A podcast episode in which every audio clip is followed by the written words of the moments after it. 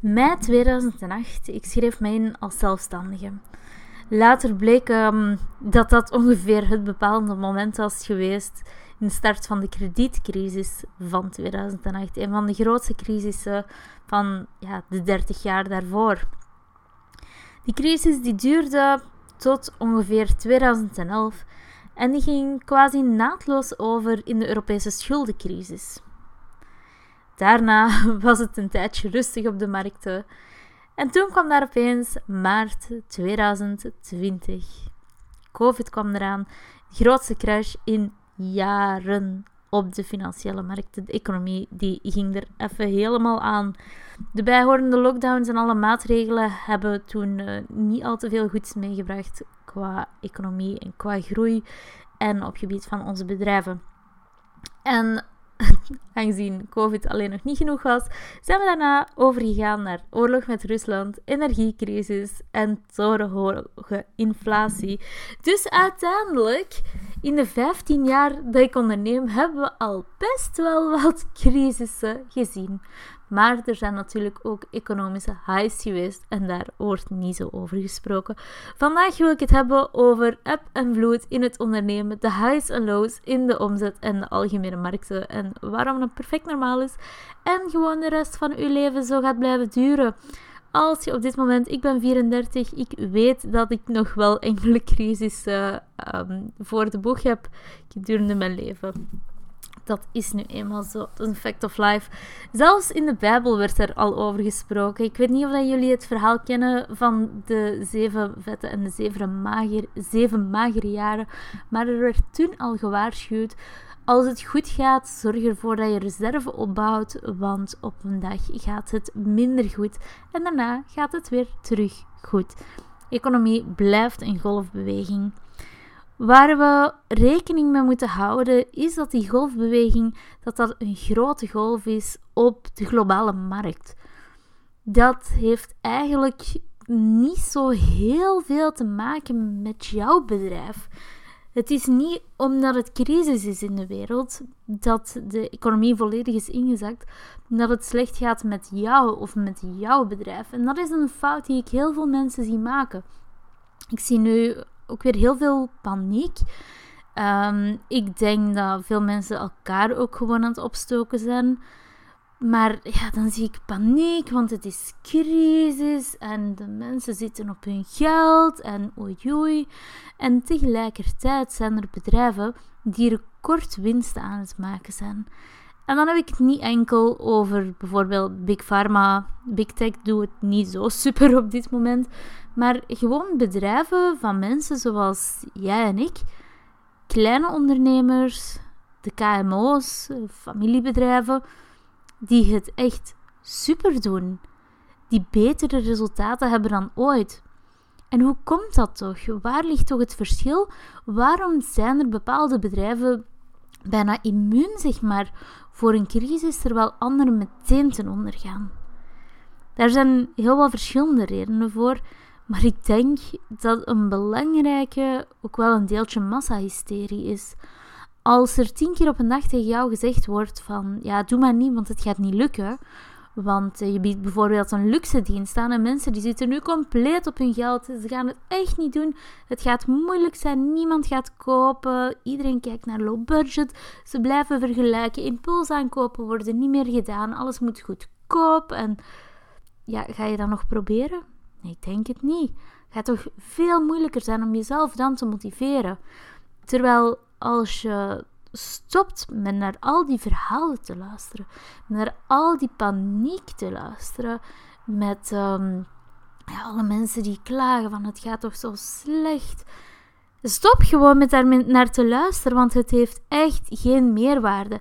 En dat het slecht gaat bij iemand anders hoeft echt niet te betekenen dat het slecht gaat met jou. Dat heeft eigenlijk, eigenlijk staat dat volledig los van elkaar. Dus ja, kijk heel wees er heel selectief in, in naar wie je luistert. Stop met naar het nieuws te kijken. Het nieuws is alleen maar wat er misgaat in de wereld. En uiteindelijk wat er misgaat in de wereld is nog altijd de minderheid. Anders zou het geen nieuws zijn. Als er niks te vertellen is, ja, dan, dan is er ook niet. Als er niks bijzonder is, dan kunnen ze geen nieuwsuitzending maken.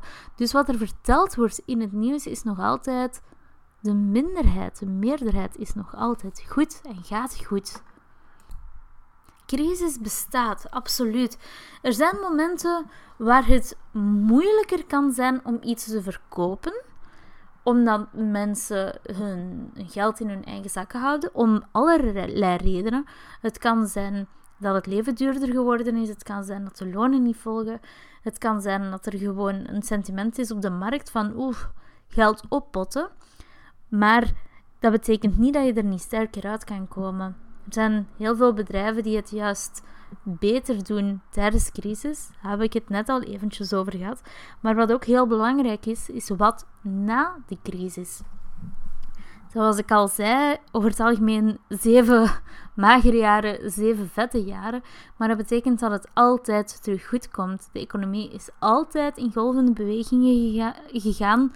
Als je gaat terugkijken, 50 jaar geleden, 100 jaar geleden, 300 jaar geleden, er zijn altijd golven op en neer. En er is geen enkele reden waarom dat nu anders zou zijn. De globale economie is al die jaren, ondanks op- en neergaand, is die gemiddeld wel altijd blijven groeien. Dus dat betekent dat er een moment gaat komen. En dat moment gaat heel waarschijnlijk niet volgende maand zijn en gaat heel waarschijnlijk ook niet over zes maanden zijn en heel waarschijnlijk ook niet over een jaar, maar misschien over vier, vijf, zes, zeven jaar pas. Maar er komt een moment waarop dat de markten opeens weer in volle expansie gaan zijn. En dat is het moment waar je een gigantisch verschil kan gaan maken. Gebruik nu een periode waarin verkopen misschien, hoeft zelfs niet, misschien wat moeilijker voor jou gaat, om bij te leren, om te gaan tweaken, om te kijken van als ik het zelfs op dit moment als het sentiment op de markt niet zo goed is, als ik het op dit moment kan maken, wat gaat het dan zijn als het geld bijna uit de mensen hun zakken uitvloeit, zeg maar? Zorg ervoor dat je daar klaar voor bent, dat je processen hebt, dat je bedrijf helemaal geoptimaliseerd is voor wat als er opeens tien keer zoveel klanten komen. Neem daar nu de tijd voor. Studeer nu. Zorg er nu voor dat je hele team klaar is voor dat moment. Wat je zeker niet mag doen, is op dit moment gaan panikeren en bijvoorbeeld mensen uit je team gaan ontslaan om toch maar daar kosten te besparen. Want op een bepaald moment komt het moment dat je die mensen allemaal nodig hebt en dat je ze niet meer kan krijgen. Dus let daar heel goed mee op. Maar zorg ervoor dat je op dit moment met de kaarten die dat je gedeeld krijgt, dat je daar het beste van maakt. Een moment van crisis zorgt er altijd voor dat je gedwongen wordt tot beter doen. Waar je vroeger misschien mee wegkwam van gewoon deuren te openen, een website te openen, een winkel te openen en de klanten kwamen, is dat nu niet meer het geval. Misschien. Bij sommige mensen nog steeds.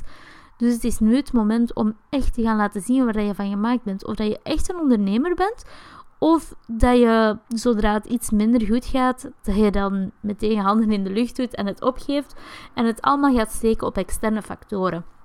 Want als je blijft zeggen, ja, het is crisis, het lukt nu niet, dan ben je een slachtoffer van externe factoren. En dan maak je van jezelf een slachtoffer en slachtoffers zijn passief.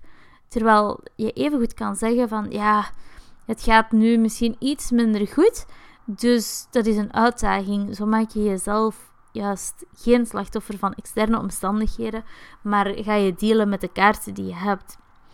In crisis zien we vaak minder mensen opstarten. Zien we ook faillissementen, wat ertoe leidt dat er uiteindelijk minder concurrentie gaat zijn. Het is juist in momenten van hoogconjunctuur, als alles goed lijkt te gaan, dat er heel veel concurrentie opstaat. Die heb jij nu niet.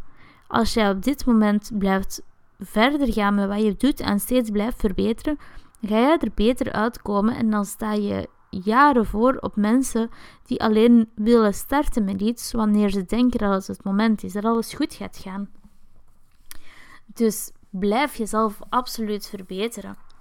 Zorg er ook voor dat je in goede tijden dat je gaat sparen. Geef niet elke cent uit. En zorg dat je altijd een appeltje voor de dorst hebt, want die slechte tijden komen en die gaan blijven komen. Net zoals de goede tijden komen en gaan blijven komen.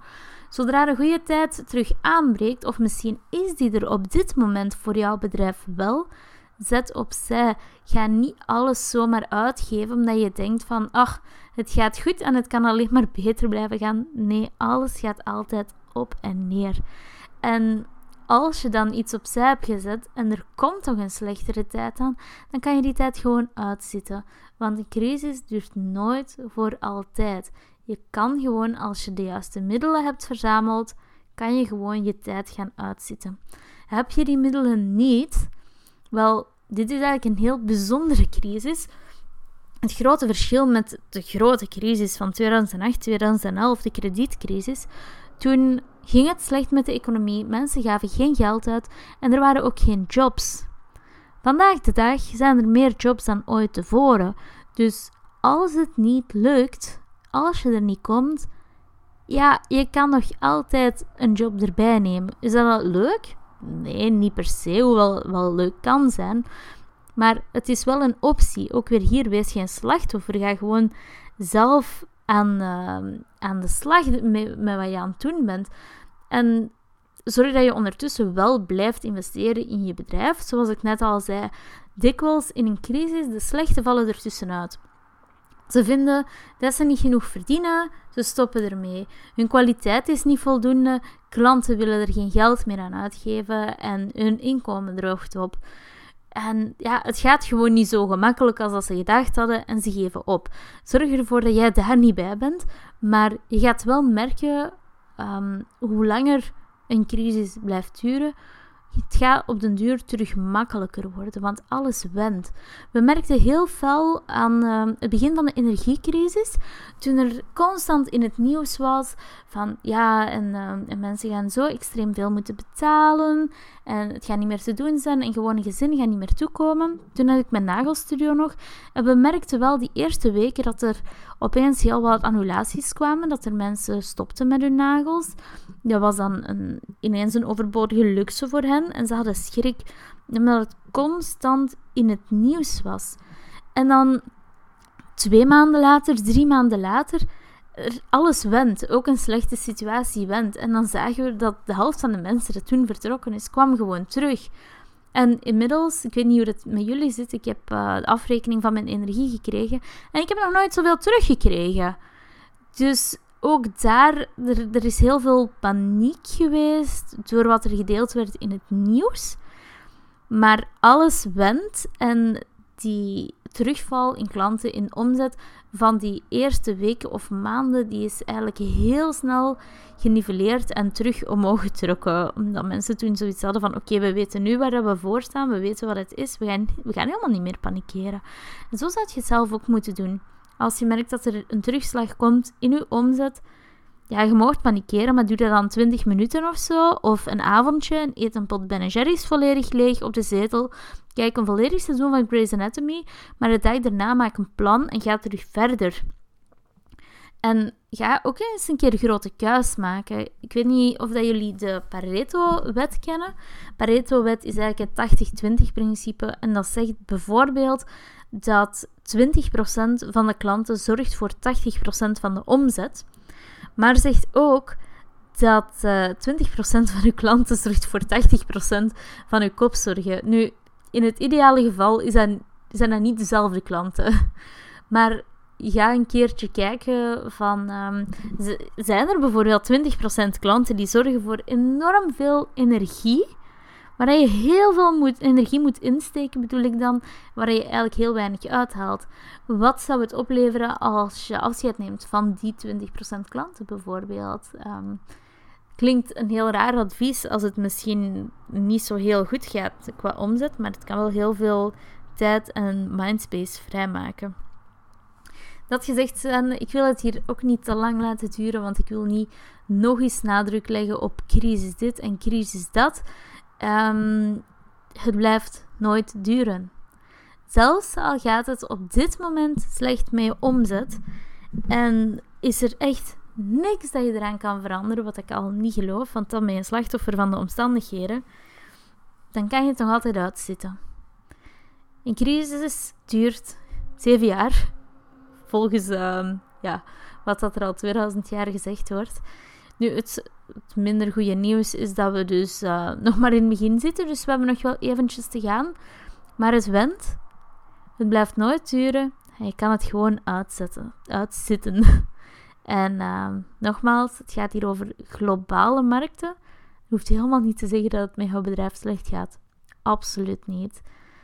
Dus uh, zet hem op en komt allemaal goed.